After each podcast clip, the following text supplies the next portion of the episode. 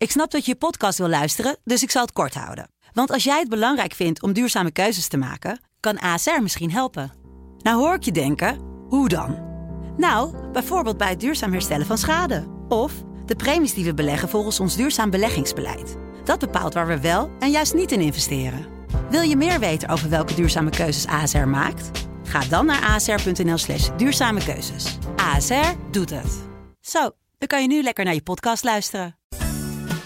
Ze zijn jong, zijn nog jong. En hun harten liggen op hun tong. Altijd alert, erg alert. Hun mening eindelijk ongefilterd. Dit is Ongefilterd met Kitty en Elif. Daar zijn we weer en eh, we hebben iets te vieren. Alleen dat hadden we eigenlijk al begin vorige maand te vieren. Alleen zijn we dat uh, vergeten. Namelijk uh, dat we meer dan een jaar bestaan. Ja, Kitty, eigenlijk hebben we twee dingen te vieren.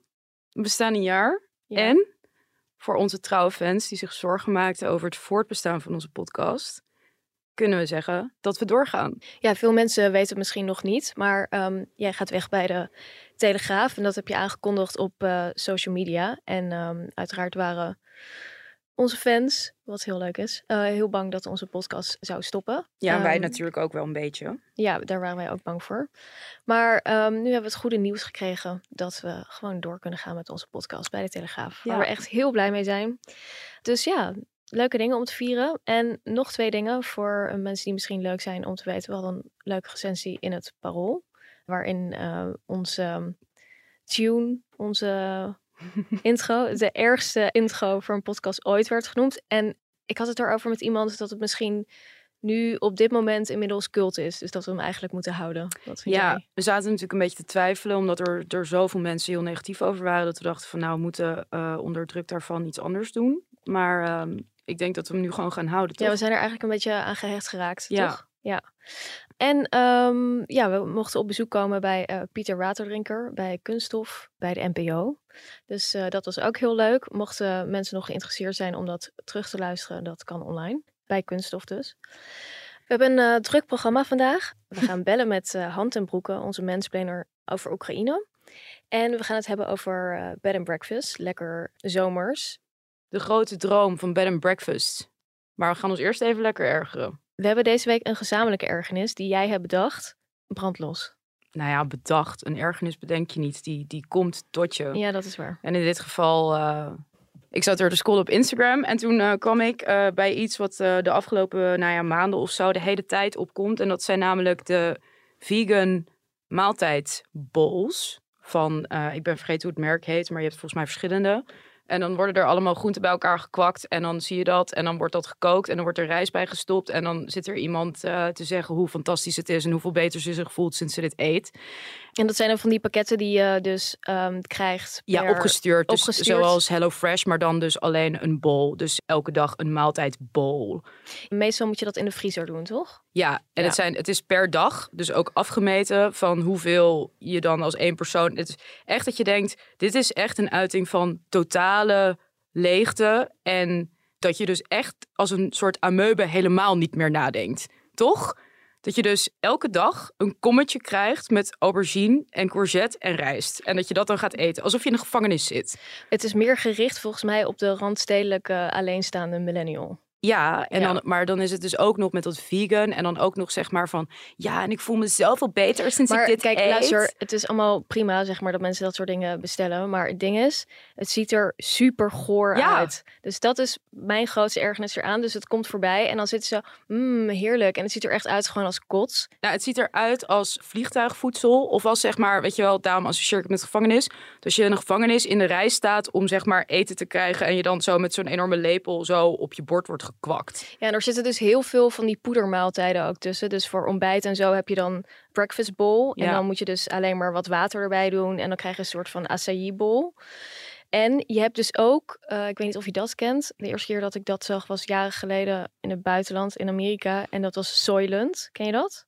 Nee, is dat proteïne shake? Nou, dat is dus een shake en dan hoef je dus niet meer te eten. Het enige wat je dan hoeft te, uh, is die drie shakes per dag. En ik vind dat zoiets dystopisch. Ja. En het was dan ook, het wordt dan aangemoedigd van heerlijk, nooit meer eten, lekker shakes. En ja, dan lekker efficiënt. Voor 80 cent per shake of zo. Of nou, volgens mij is het wel iets duurder. En ze zeggen dan van, er zit alles in wat je naar binnen moet krijgen op een dag. En het is dan heel gezond en zo, maar het slaat gelukkig nog niet echt aan. Maar ik heb wel het idee dat die campagnes die dit soort bedrijven voeren. Dus sowieso die Soylent. En dan heb je ook nog Well, zo heet dat. En dat is ook allemaal van die poedermaaltijden. Ja. ja, ik krijg daar de hele tijd reclames van. Ja, ik ook. Dat wordt de hele tijd gepusht als in dit moet je bestellen. Maar wij worden dus getarget. Ja, omdat we dus... Uh, millennial zijn, een vrouw waarschijnlijk.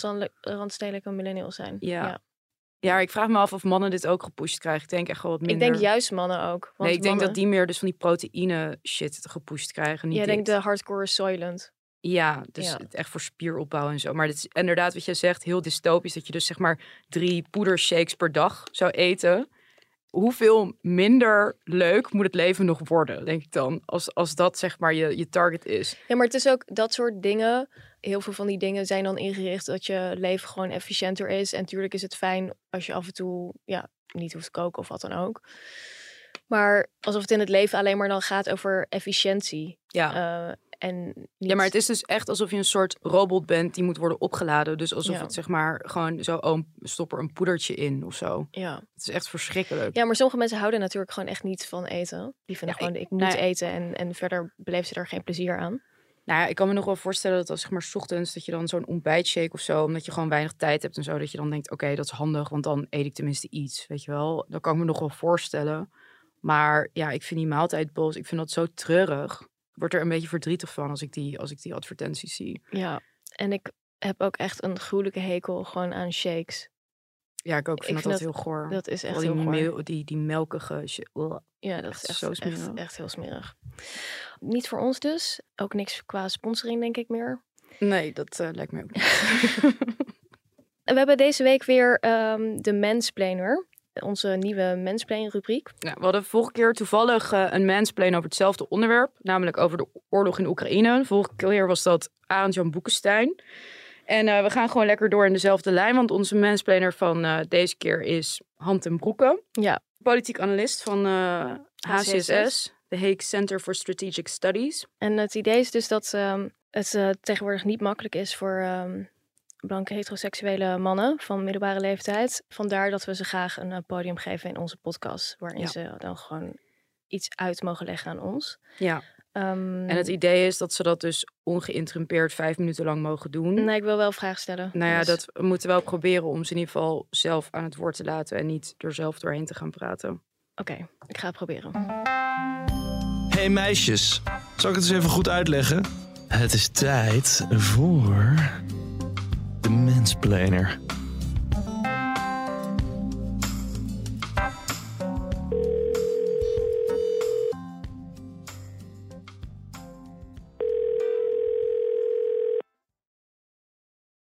Hallo. Hey there. Hoi. Hallo, hallo. Gefeliciteerd, want jij bent onze tweede mansplainer ooit in de podcast. Ja, je hebt zeven vinkjes, hè? Want anders dan gaan we ophangen.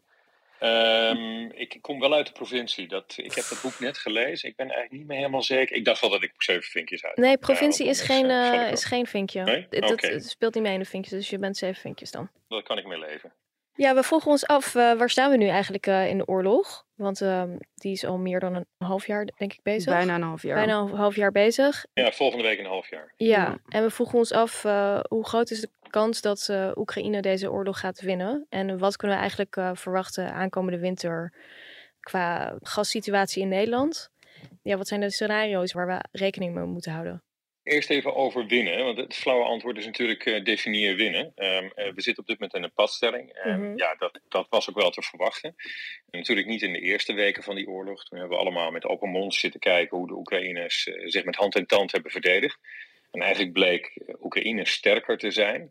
Het Oekraïnse leger bleek sterker te zijn. Dat de Oekraïnse wil sterker was, had je nog wel kunnen verwachten. En de Russen waren veel zwakker. Hè? Dat leger en met name ook ehm, alle, alle militaire middelen die ze hebben ingezet blijkt van veel minder kwaliteit dan, dan we met z'n allen en ook de specialisten bijvoorbeeld op het instituut waar ik werk, waar we toch echt kijken naar militaire kracht en macht over de hele wereld, dan we met z'n allen hadden aangenomen. Waarschijnlijk komt dat laatste door de enorme corruptie die waarschijnlijk ook in dat leger en dat Russische leger heeft geboet. Waardoor je nu ziet dat tanks gewoon niet goed zijn. En dat, nou, het laatste nieuws is bijvoorbeeld dat de Russen waarschijnlijk in de problemen komen omdat hun kanonnen, dat er niet meer het aantal lopen kunnen verwisselen, omdat ze maar een beperkte hoeveelheid munitie kunnen afschieten. Dus je ziet daar een aantal zaken die, die we van tevoren niet zo goed hadden ingeschat. Maar wat we wel redelijk hebben ingeschat is denk ik dat het nu, um, ja, het, het, zijn twee wat vermoeide boxers uh, die tegenover elkaar staan. Waarbij dan is de ene week en dan de andere week uh, de een op de ander een, een, een, klein voordeel weet te behalen. En ik zou zeggen, de afgelopen week was de ronde voor uh, de Oekraïners. En zeker sinds vanochtend noemen ze voor de tweede keer een, um, een munitiedepot op de Krim. Wat de Russen toch wel echt als, als hun eigen grondgebied beschouwen, hebben weten aan te vallen. Het is nog niet opgeëist, maar dat deden ze vorige week ook niet bij een soortgelijke aanval. En dat zou een enorme dreun voor de Russen zijn, omdat daarmee de Krim ook ineens in het spel komt. En er dus meer Russische militaire inzet in een gebied moet worden gepleegd waar ze het niet hadden verwacht. En dat kunnen ze weer minder doen op andere, op andere vlakken. Nou, en dan als we het even zo zeg maar, de breuklijnen langslopen, um, uh, moet je even de kaarten bijpakken. Iets ten noorden van de Krim heb je Gerson. Gerson is de plek waar het echt om te doen is. Uh, dat moeten de Oekraïners eigenlijk opnieuw weer in handen weten te krijgen om die padstelling de winter in te duwen. Waarom is uh, dat zo'n belangrijke plek? Omdat dat de plek is waar je op de Dnieper, de belangrijkste rivier die het oosten van, uh, van Oekraïne afscheidt van wat dan nu nog de romstaat Oekraïners, omdat je daar Oekraïne kunt behouden en in ieder geval nog een deel van het zuiden en met name ook de toegang voor Oekraïne Denk aan Odessa, een belangrijke uh, plaats, uh, waar nu ook die eerste graantransporten weer zijn vertrokken. Om voor Oekraïne om die, die toegang tot zoetwater en daarmee tot de rest van de wereld te houden. Dus eigenlijk, als de Russen dat in handen krijgen, dan is de weg naar Odessa en daarna ook naar Moldavië licht open. De Oekraïners is er alles aan gelegen om die stad weer in handen te krijgen. Nou, daar hebben ze de afgelopen weken veel westers, met name Amerikaans wapentuig voor gekregen. De HIMARS, daar heeft Arend Jan ongetwijfeld over verteld, want hij raakt daar niet over uitgepraat. Panzerhouwitsers, die nu ook door Nederland zijn geleverd. Ja, en allerlei uh, geavanceerde uh, uh, raketten. En de Russen kunnen daar niet zoveel tegen. Dus de, meeste bruggen daar zijn, zijn beschadigd. Dit weekend waren er ook geruchten dat de Russische militaire top dat gebied heeft verlaten. Dus eigenlijk hun soldaten wat hebben achtergelaten. Dus die padstelling die ik net beschreef, dat is maar zeer ten dele waar, want er wordt natuurlijk overal gevochten langs die frontlinie. Maar in Gerson is het het, um, en, en Kharkiv, iets ten noorden daarvan, is het eigenlijk het meest heftig. En gebeurt er nog iets op diplomatiek vlak nu? Nee, volgens mij niet. Je hebt natuurlijk de inspanningen van de Turken, die af en toe proberen hun bemiddelende diensten aan te, aan te bieden. Maar geen van beide partijen heeft op dit moment, nog de Russen, nog de Oekraïners, hebben er baat bij om, uh, om de tafel te gaan zitten. En zolang dat niet gebeurt, men op de grond denkt nog op de anderen een overwinning te kunnen boeken, uh, zal er niet uh, aan een onderhandelingstafel worden gepraat. Wat gaat het betekenen, denk jij, voor aankomende winter voor Nederland mm. qua gassituatie? Ja, nou, het is duidelijk dat Nederland een probleem heeft. Dat weten we nu allemaal. Je ziet in de inflatie, de oplopende inflatie, zie je een deel van die Oekraïne-oorlog zie je terugkomen. Overigens is het niet alleen uh, die oorlog die daar debet aan is. Er zit ook nog met een staartje COVID, met toeleveringsproblematiek in de wereld. En nou, slechte oosten in China. Ik zal het niet te gecompliceerd maken, maar daar hangen heel veel dingen met elkaar samen. Die gasprijzen en die elektriciteitsprijzen, die zullen de hele winter hoog blijven. En dus komt het erop aan dat we onze noodvoorraden, in een, eh, de vier velden die we daarvoor beschikbaar hebben, is dat we die aanvullen. Nou, in het uh, veld Norg, in het noorden van Nederland, is dat nu voor 80% gebeurd. Maar die laatste 20% is eigenlijk te duur voor de, de, de gasbedrijven. En dus ze kijken nu naar Den Haag. Ja, wie kijkt er niet naar Den Haag? Dus naar de Nederlandse regering. En ze houden hun handje op om daar geld vandaan te krijgen, zodat ze ook de rest kunnen vullen. Als we dat te laat doen, als we dus wachten tot die winter, zeg maar, of de herfst begint en dan we als het ware de winter insukkelen, ja, dan is dat bijna niet meer te doen en dan ben je afhankelijk van de wereldmarkt. En ja, gas stroomt maar één kant op, dus dat kunnen we maar van een paar leidingen halen. En we hebben zelf ook nog verplichtingen naar Duitsland en naar België om dat gas te leveren. Dat is hoogkalorisch gas, dus iets anders dan, dan in sommige andere delen van Europa. Maar olie kun je natuurlijk uit de hele wereld uh, betrekken. We schrapen op dit moment alle wereldmarkten af om die energiebronnen die nog vrij zijn, om die naar Europa te krijgen. Met alle effecten van dien. Want wij kunnen dat nog steeds betalen. Dat denken we misschien niet. Als we naar de, naar de supermarkt gaan, dan betalen we die prijzen van de pomp. Maar in andere delen van de wereld zien ze af van hun aankopen en worden dus gewoon kolen bijgestookt. Dat is wel iets waar heel weinig aandacht voor is in Nederland. Jullie hebben misschien gehoord over die, die kerncentrale in Zaporizhzhia. Die ligt ook aan de andere kant van de Dnieper. Die is door de Russen ingenomen. Dat is de grootste kerncentrale van Europa. En daar zitten de Russen met 500 man in die kerncentrale en ze schieten van daaruit op alles wat beweegt. Daar kan natuurlijk niet op worden teruggeschoten vanwege alle risico's die dat met zich meebrengt voor een nucleair ongeluk. vergelijkbaar met zoals we dat als ooit hebben gezien natuurlijk. Ja. Um, waar iedereen op dit moment zijn hart voor vasthoudt, is dat daar wel iets gebeurt. En zelfs als er niet zou gebeuren, dus als er geen ongeluk, God verhoede, en de Oekraïners zijn dus heel voorzichtig met um, het benaderen van die kerncentrale, dan is de bedoeling van de Russen om die stroom die daar wordt opgewekt, om die voor de Krim en voor de Donbass te gaan reserveren. Dat zou betekenen dat Oekraïne niet meer gebruik kan maken van de energie die daar wordt opgewekt. En dan worden wij in Europa, waar we sinds maart Oekraïne volledig op ons stroomnetwerk hebben aangesloten, worden we ook verantwoordelijk voor de Oekraïnse energieleveranties. Dus dan zullen we nog meer gas, nog meer kolen moeten uh, stoken om dat mogelijk te maken. Dus bovenop alle binnenlandse problemen die we al hebben, krijgen we dat er nog bij. Dus dit is een enorme bak hoofdpijn en ellende die nog gaat meewegen in dit najaar. En hoe zou dat er concreet uit kunnen zien voor Nederlandse burgers? Betekent dat dan echt ook dat je ja, minder gas kunt gebruiken? Dat er wordt gezegd, je moet nou, maar vijf minuten douchen?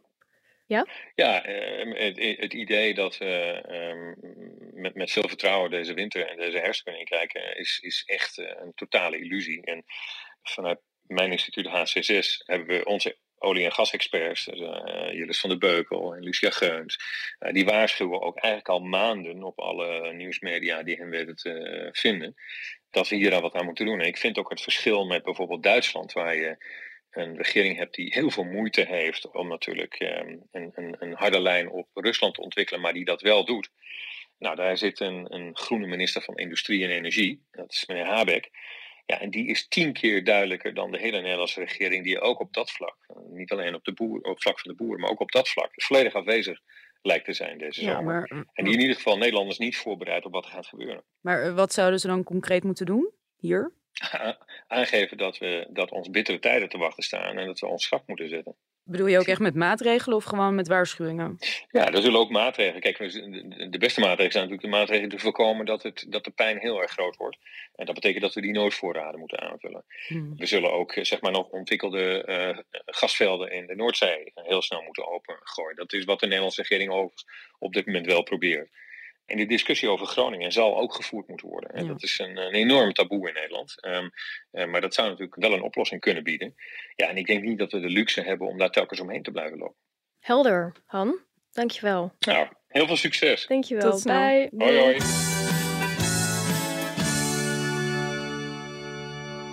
Wat kennen jullie dat goed, hè? Het is wel echt weer uh, een mensplaner waar je op kan uh, rekenen. Ja, zeker. ik, vind het toch, ik vind het toch, ik moet toch zeggen dat ik, uh, wat dit betreft, ik vind het toch altijd heerlijk als een man gewoon echt goed even iets aan me uitlegt. Het is gewoon een rond verhaal. Het, is, het heeft gewoon een kop en een staart. En je ja. hoeft eigenlijk niks te doen. Het komt gewoon een verhaal uit. En, nee, dit scheelt, en dit scheelt minstens 15 artikelen lezen. Ja, zeker. Dus, dus shout-out naar de mensplaner. Maar wel de mannen die het kunnen. Er zijn heel veel mannen die kunnen het niet.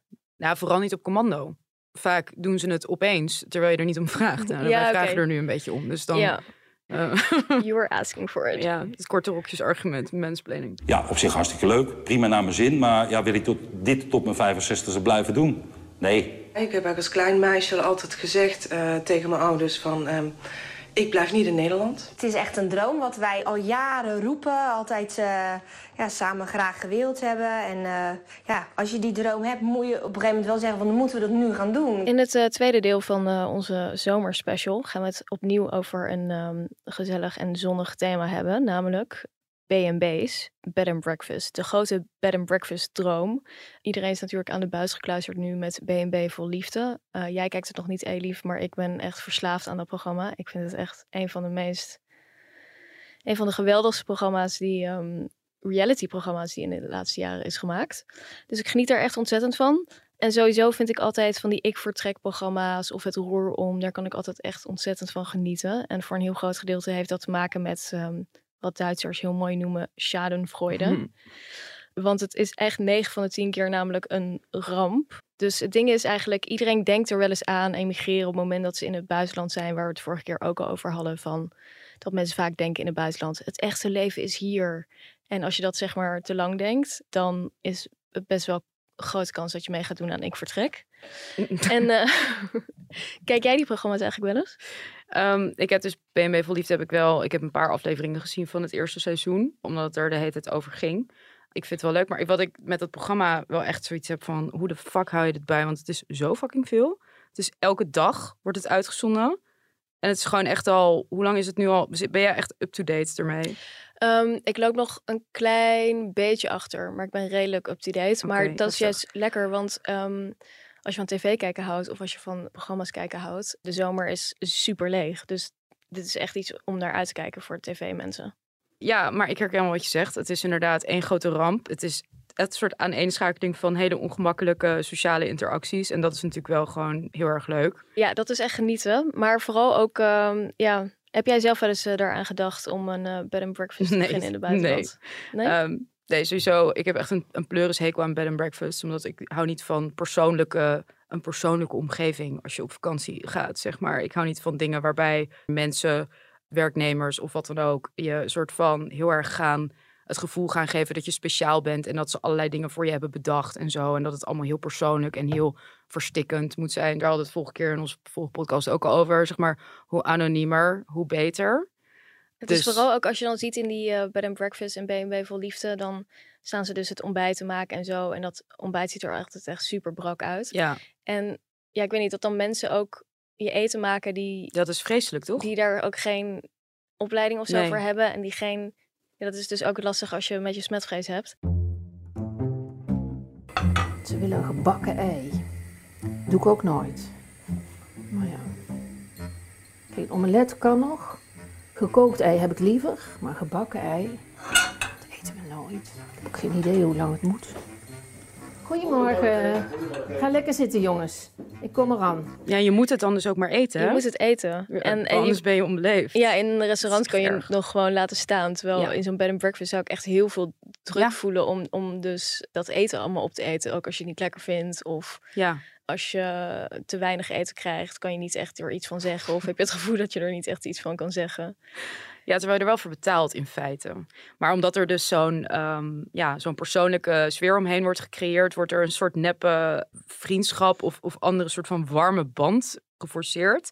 Terwijl je, je betaalt gewoon natuurlijk wel om daar te verblijven, weet je wel. Dus het is in principe zou je gewoon kunnen zeggen van ja, ik, ik hoef dit eten niet of ik vind niet lekker of uh, nou ja, wat dan ook. Maar dan ben je dus heel ondankbaar. Ja, maar wie heeft er altijd als ik dan gasten zie komen in van die bed and breakfast programma's, denk ik wie heeft er een godsnaam zin in als hij op vakantie gaat om dan bij vreemden in huis te zitten een week? Het is goedkoper dan, een hotel. Ja, denk je echt? Denk je niet dat er echt mensen zijn die dat echt leuk vinden? Ja, ik denk ook dat die mensen er ook zijn, maar vooral die combinatie van die twee dingen. Kijk, ik vind het als sociaal niet heel makkelijk persoon vreselijk om bij vreemde mensen. Dat is voor mij echt geen vakantie. Dat is gewoon een soort hel.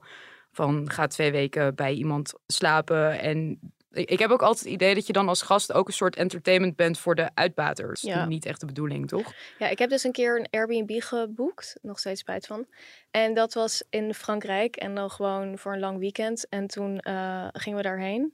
En toen bleek het dus inderdaad, ik dacht dus wel dat het apart was. Dat het zeg maar apart was in een huis. Maar het bleek dus echt heel erg in die mensen in huis. Dus het was ook een oh, beetje een soort van bed and breakfast. Maar een kamer in een, in een huis van mensen? Ja, maar wel met een zwembad en zo. Maar die mensen waren daar dus ook de hele tijd. Ik denk dat dat heel erg in de buurt komt van hoe een bed and breakfast is. Ja, en dat was dus echt niet, ik heb niet kunnen ontspannen die drie dagen. Maar gingen die mensen dan heel erg uh, zich met je bemoeien of zo? Nee, ze waren gewoon super aardig. Maar je voelt dus uh, de hele tijd ding van... Oh, laten we even borrelen. Willen jullie ook iets? En dat is allemaal super aardig. Maar ja, dan zit je dus de hele tijd te borrelen met zo'n bed and breakfast stel. Ja, dat is vreselijk. Ja, het was echt best wel vreselijk. Was dat duur? Weet ik niet meer. Maar ik heb niet, uh, ik had in ieder geval niet goed zitten opletten. Ja, want je kan dat volgens mij wel gewoon zien als je een Airbnb boekt van of het in iemands huis en of iemand er is ook, toch? Want voor mij is dat echt een soort must dat iemand er niet is. Nee, maar ja, daar, daar had ik dus niet op gelet. Ja, oké, dan ben je wel echt voor altijd gecured. Maar ik vind het altijd heel erg opmerkelijk dat in van die ik vertrek bed and breakfast uh, programma's dat heel veel mensen dan het gevoel hebben van ik ga mijn uh, baan opzeggen om voortaan uh, haren uit het doucheputje van vreemde mensen ja. te punniken. Ja. Want dat is het echte leven. En dus ook zelf nooit weg te kunnen. Want je moet altijd, zeg maar, net als wanneer je een restaurant hebt, je, moet, je bent altijd op dezelfde plek. Ja. Gewoon altijd. Ja. Maar goed, het is natuurlijk uh, het leven, het buitenlandse leven met gewoon land erbij en met een mooi huis. En dat is natuurlijk wat heel veel mensen aantrekt. Alleen wat het leuke is natuurlijk aan Ik Vertrek of het interessante is dat heel veel mensen gewoon geloven in die droom, maar dat het 9 van de 10 keer gewoon ontzettend tegenvalt. Ja. En dat je dus te maken krijgt met dat je gewoon in Spanje of in uh, Italië door werkelijk iedereen wordt opgelicht. en dat is gewoon altijd super pijnlijke tv. Dus je ziet die mensen ook en dan gewoon die naïviteit waarmee ze uh, gewoon naar het buitenland vertrekken. Van dit gaat Ja. mij lukken, waarom niet? En ik vind dus ook altijd heel grappig dat je dan ziet dat de mensen eromheen, dat niemand dan zegt van, hmm, is het wel verstandig? Want je moet tegenwoordig iedereen altijd supporten in zijn dromen. Dat is echt het mantra van nu, toch? Ja. Ja. Dus als iemand, dan ga je niet zeggen, oké, ja, heb je hier wel over nagedacht? Of is het wel oké?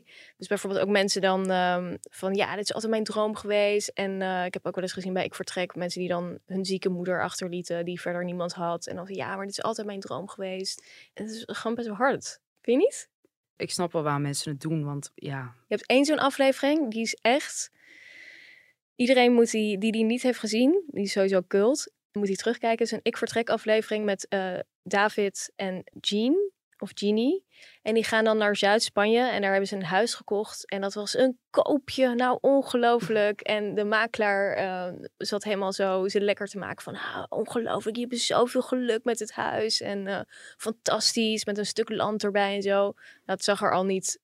Ik vond het er niet per se heel goed uitzien. Ook zo'n stuk droog land en zo. Maar goed, in Zuid-Spanje is eh, heel warm daar. Maar zij waren daar echt gigantisch gelukkig mee. En ze gingen daar hun bed and breakfast beginnen. En toen ging het regenen. En toen bleek dat huis van een soort papier maché. ja. Dus het Dus ging ze gewoon- uit elkaar vallen. Ze waren gewoon opgelicht. Ze waren gewoon opgelicht. Dat was een ramp. Die hele BNB-aflevering zit je gewoon met je mond gewoon op je knieën. Maar echt ze hebben dus gewoon dat huis, zeg maar, gebouwd tussen aanhalingstekens om mensen op te lichten. Dus Ja, van dat- karton dat, of zo. Ja, dat, werd, dat werd niet duidelijk. Dat werd gewoon niet duidelijk. Uiteindelijk hebben ze wel met schadevergoedingen en zo dingen teruggekregen. Maar dat is natuurlijk dan een proces van anderhalf jaar. En die mensen gaan meestal op stap met eh 15.000 euro, terwijl de verbouwing eh 25.000 euro Ja. is. Dus het is altijd al echt gewoon een ramp. En toen hadden ze het dus net, ja, dit, dit, deze mensen die hebben echt heel veel pech gehad. Ze bleven dus, ondanks alles, bleven ze super positief. En dat je ook echt denkt, mensen, echt pak je verlies. Ga gewoon terug. Echt, het gaat niet werken. Ehm, ze zagen er echt helemaal verslagen uit op een gegeven moment. Maar dan zitten mensen zo in dat idee van, dit moet lukken. Of dit zijn allemaal alleen maar eh, hobbels op de weg. Uiteindelijk gaat het goed komen. Maar die garantie heb je helemaal niet in het leven. Maar ik denk dus wel dat dat iets is waar mensen heel erg in geloven. En die soort van zelfhulpboekmythes. Van alles is een soort van uitdaging om mij te testen. En dan, maar uiteindelijk komt het goed. Uiteindelijk komt het allemaal goed. Nou ja, goed, het kwam dus niet echt goed. Want toen kwam corona. Toen ze het net een beetje op de rit hadden. En toen laatst was er dus een aflevering waarin ze weer teruggingen bij hun. Nou, toen ging het wel iets beter. Maar nog steeds moesten ze best wel hosselen. En die man moest ehm, ja, gewoon massages geven om rond te kunnen komen. Dus die bed and breakfast is eigenlijk nooit echt van de grond gekomen.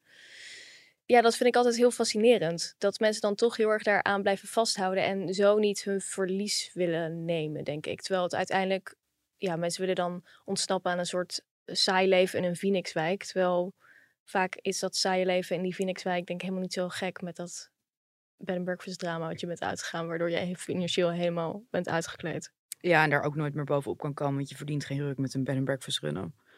Dat is ook nog zoiets. Nee. Je kan er nooit veel mee verdienen. Zeg maar, je hebt geluk als je uitkomt en als je enigszins winst maakt. Ja. Daar.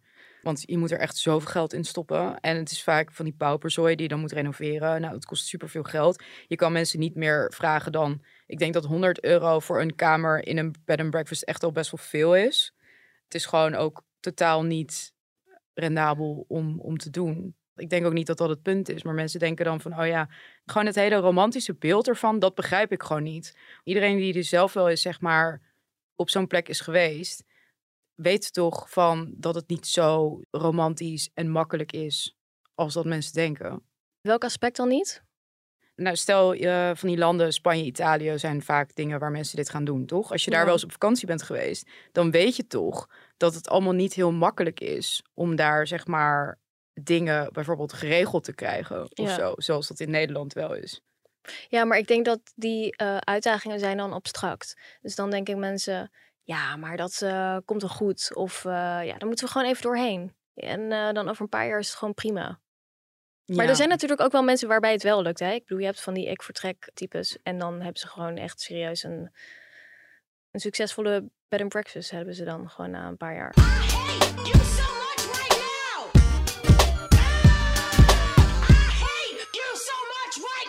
De hatefluencer van de week.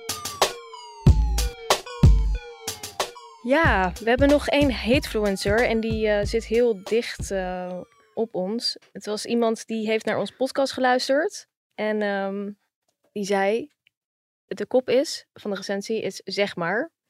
en uh, hij zegt, gezellig geklets, maar oh zo irritant als in vrijwel elke zin minstens één keer zeg maar voorkomt. Nee, daar ben ik niet in geïnteresseerd. Oké, dus wel jammer. Eén ster daardoor. Ja, dus of jullie even allemaal vijf sterren willen geven om ons gemiddelde op te halen. Nee, hij... ik, kan, ik, kan, er best mee leven dat sommige mensen ons uh, stom vinden.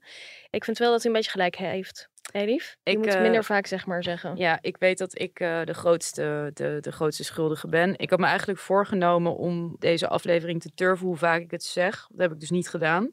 Maar bij deze ga ik dat de volgende aflevering bij ons allebei doen. Ja, ik zeg het ook vaak. Dan probeer ik het gewoon helemaal niet te doen. Het en is kijk heel, gewoon of het heel lastig, maar dat hoor je nu dus ook. Kan je ook weer leren van uh, mansplainers. Dus als je Han bijvoorbeeld hoort praten, dat is ook iemand die niet met stopwoordjes praat. Dat vind ik altijd heel knap. Dat is heel knap, ja. Ja, ik weet niet, kan je hiervoor op training? Want dat wil ik heel ik denk het wel. Ik denk dat dat gewoon een soort uh, ja, presentatiecursus. Ja, Presentatie. want, want ik heb daar ik vind het heel moeilijk om mijn stopwoordjes af te leren. Jij zegt ook altijd moeilijk. Wist moeilijk, je wat? ja, maar dat is uh, Haags. Oh, is dat Haags? Ja. Oh.